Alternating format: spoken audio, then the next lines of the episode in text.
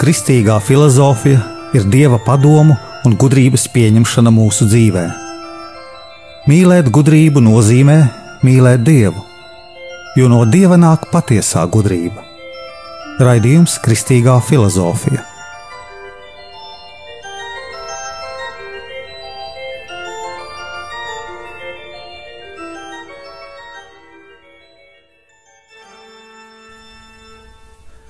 Es esmu Jānis Valtra Vitsenheims, un ar jums ir 26. raidījums Kristīgajā filozofijā.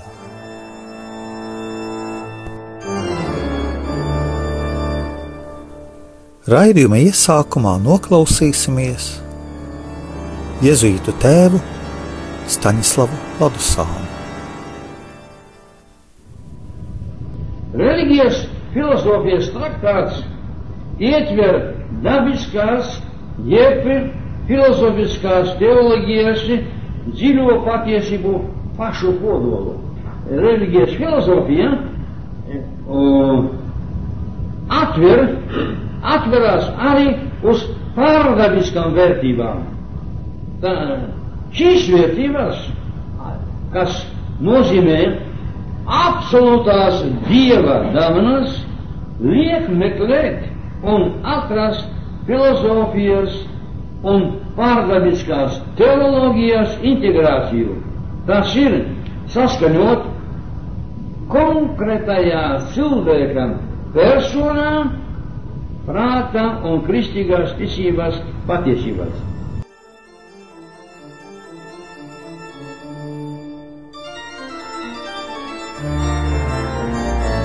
Jūs klausījāties Jēzuītu tēvu Staņislavu Ladusānu 1993. gada ierakstu.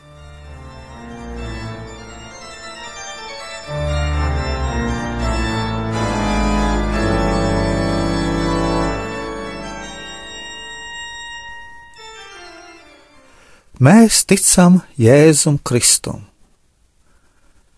Gribam sasniegt debesu valstību bet mēs negribam ciešanas. Tātad mums zūd daļa no Kristus. Mēs dzīvojam savu sirdi piesaistot ēšanai, alkoholam, reizēm slinkumam pret saviem tuvākajiem un pierodam pie ikdienišķām miesas kārībām. To saprotot, cenšamies reizēm izrauties. Cenšamies mazliet pagavēt, vairāk lūgties, bet tad atkal bieži vien iekrītam ikdienā, ikdienas dubļos.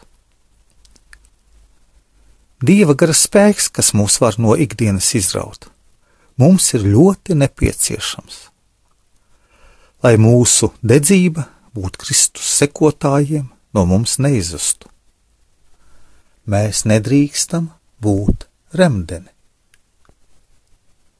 Svarīgi ir svētajā gardedzībā mīlēt Dievu no visas savas sirds. Tas sasniedzams, kad saprotam, ka mūsu nespējā ir mūsu spēks. Kad sakām, es esmu nespēcīgs, un bez tevis, Dievs, neko nespēja, tad Dievs dod mums savu spēku. Līdz ar to mēs zaudējam savu lepnību, ka mēs visu varam, un paļaujamies uz Dieva spēku. Tad mūsu mīlestība pret Dievu un tuvāko top daudz spēcīgāka. Svētīgi, nabadzīgie garā. Mūsu kaislības ir bīstamas. Nav slikti skatīties uz kaut ko skaistu, uz skaistu cilvēku vai iedzert glāzi vīna, bet mūsu daba pēc grēkā krišanas var mūs vest uz slikto, paliekot par vienīgo eksistences jēgu. No glāzes vīna var tapt par dzērāju no mantas kārības, nozagt un palikt par zagli. Slikti, kad mēs paliekam par šīs kaislības eksistences vienīgo formu, mūsu dzīves stilu, un nevaram atrauties no tā, un tas paliek par mūsu eksistenci. Mums ticībā jāsaprot, ka redzot apkārtnē, vai pat baznīcā nepilnības, jāredz, piemēram, baznīcas mērķis. Tāpat miesa neskatoties uz noslieci, uz sliktām lietām, ir Dieva svētā gara mājoklis. Iespēja mūsu dabā grēkot, ir arī dieva domā ielikta. Lai mūsu cīņā ar sevi varētu augt un ticībā stiprināt dieva gars. Citi cilvēki nekur neredz dieva esamību. Pat visā pasaulē, pat svētajā komunijā. Mēs reizēm dzīvojam nejaušību pasaulē, un Dievs ir ļoti tālu. Ja kāds pasaka, ka Dievs viņam ir tūs, citos tas var izraisīt pat smieklus, jo citiem šķiet, ka tie ir meli.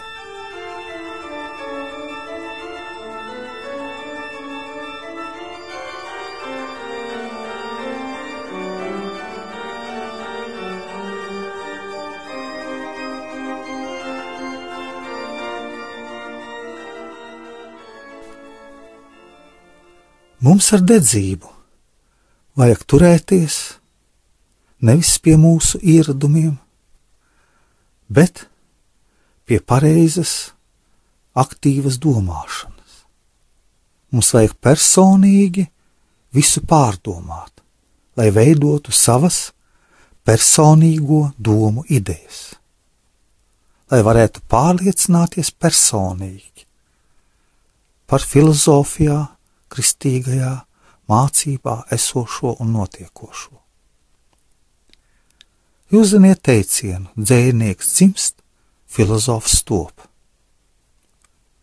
Kad sakām dzēnieks dzimst, tad mēs zinām un saprotam, ka dzimst dzēnieks nevis no savām uzrakstītajām grāmatām, bet dzimst cilvēks ar tām īpašībām, ar to juteklību, ar to savu dzīvo fantāziju, kas ir dabas dāvana.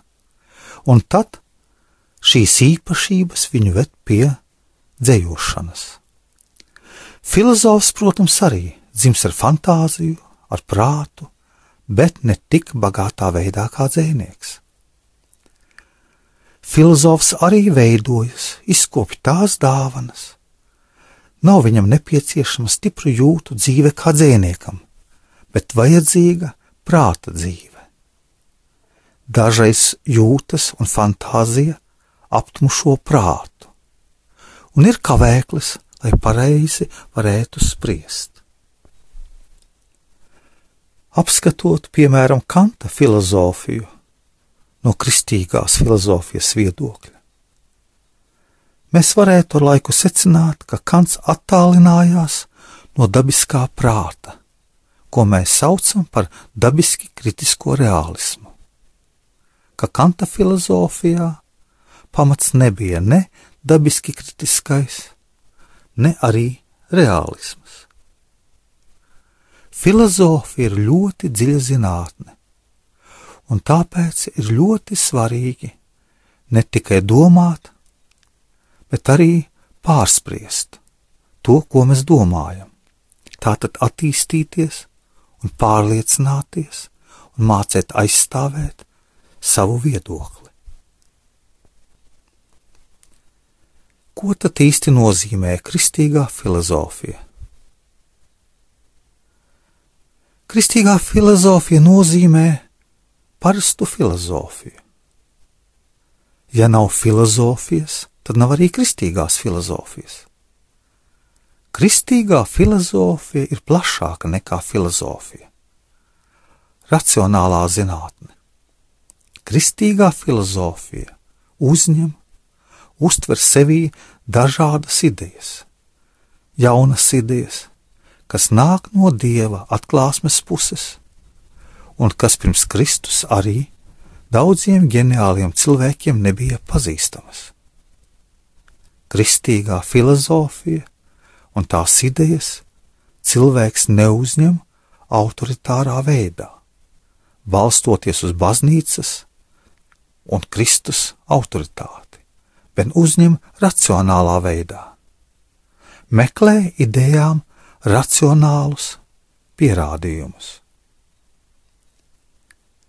Ir filozofija un ir atklāsme. Daudzās lietas, kas ir atklātas, ir arī racionālā veidā pazīstamas. Tātad filozofiskā veidā pazīstamas. Piemēram, trīsvienība. Dievs Tēvs, Dievs Dēls un Svētais Gars, kas arī ir Dievs. To nevar pierādīt.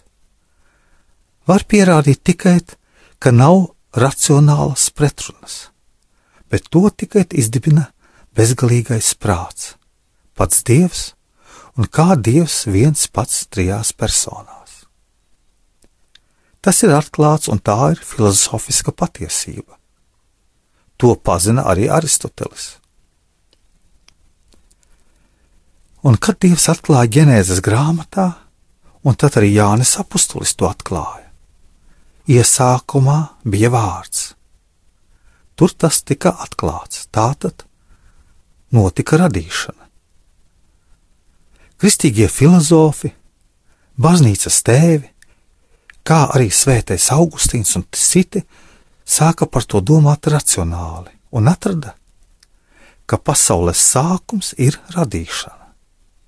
Tātad racionālā domāšana parādīja, ka pasaule ir radīta. Un ne tikai šo, bet daudz citu patiesību, kas pirms Kristus nebija pazīstamas un kas nāca klāt racionālā veidā pēc Kristus. Tāpēc kristīgā filozofa ietver visu, kas bija pirms un pēc Kristus. Kristīgā filozofija pievieno klāt jaunas patiesības, kas nebija citā filozofijā. Cilvēka prāts ir ierobežots, tāpēc kristīgā filozofija ir daudz plašāka un arī dziļāka par filozofiju.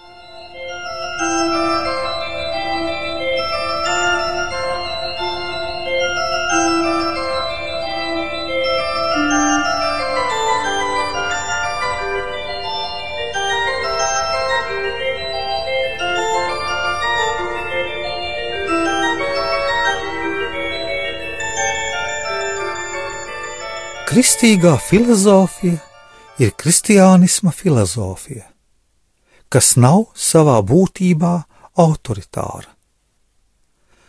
Viņa savā būtībā ir racionāla, dibināta uz prāta pazīšanas mērauklas, kas ir evidence, acīm redzamība. Fizikas, matemātiķis izlieto pazīšanu, bet neprāto par pazīšanu. Viņi pazīst lietas, magnētiskos laukus, matemātiskas formulas, bet viņi nepazīst pazīšanu. Matemātiķi, fiziķi, kā parasti cilvēki, nevar atturēties no tā, lai nefilozofētu, bet viņu filozofija ir ļoti nepilnīga, gabalaina, un neizveidota. Tas nozīmē, ka katrā cilvēkā ir aicinājums uz filozofiju. Dieva atklāsme, kristiānisms ir savienots ar filozofiju. Atklāsmes filozofija ir kristīgā filozofija. Tā ir prāta filozofija. Lai uzņemtu atklāsmi, ir jāzina ar prātu, ka Dievs ir. Jāzina, ka Dievs ir atklājis vēsturē visu, kas racionāls. Kad to pazīst, sākas ticība, kas nav prāta zinātne, bet kur pievienojas arī cilvēka labā griba. Ir jāpiegriež vērtība ne tikai atklāsmes filozofijai, bet arī filozofijas atklāsmei. Atklāsmes filozofija ir kristīgā filozofija. Ko nozīmē filozofijas atklātme, atklāsme?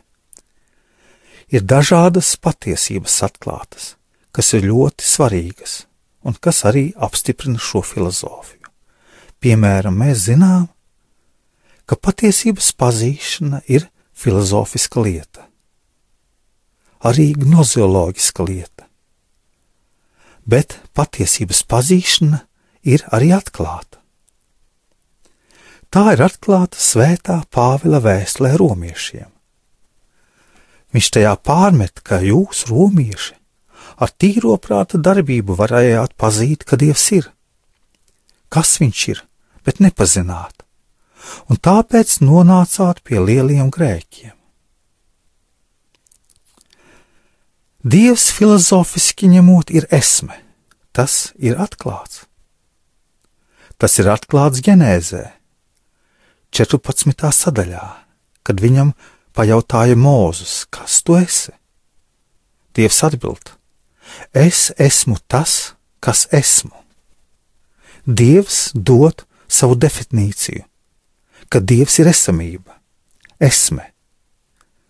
Dievs ir tas, kas ir. Filozofiskais jēdziens ir atklāts, un tas pastiprina metafiziku.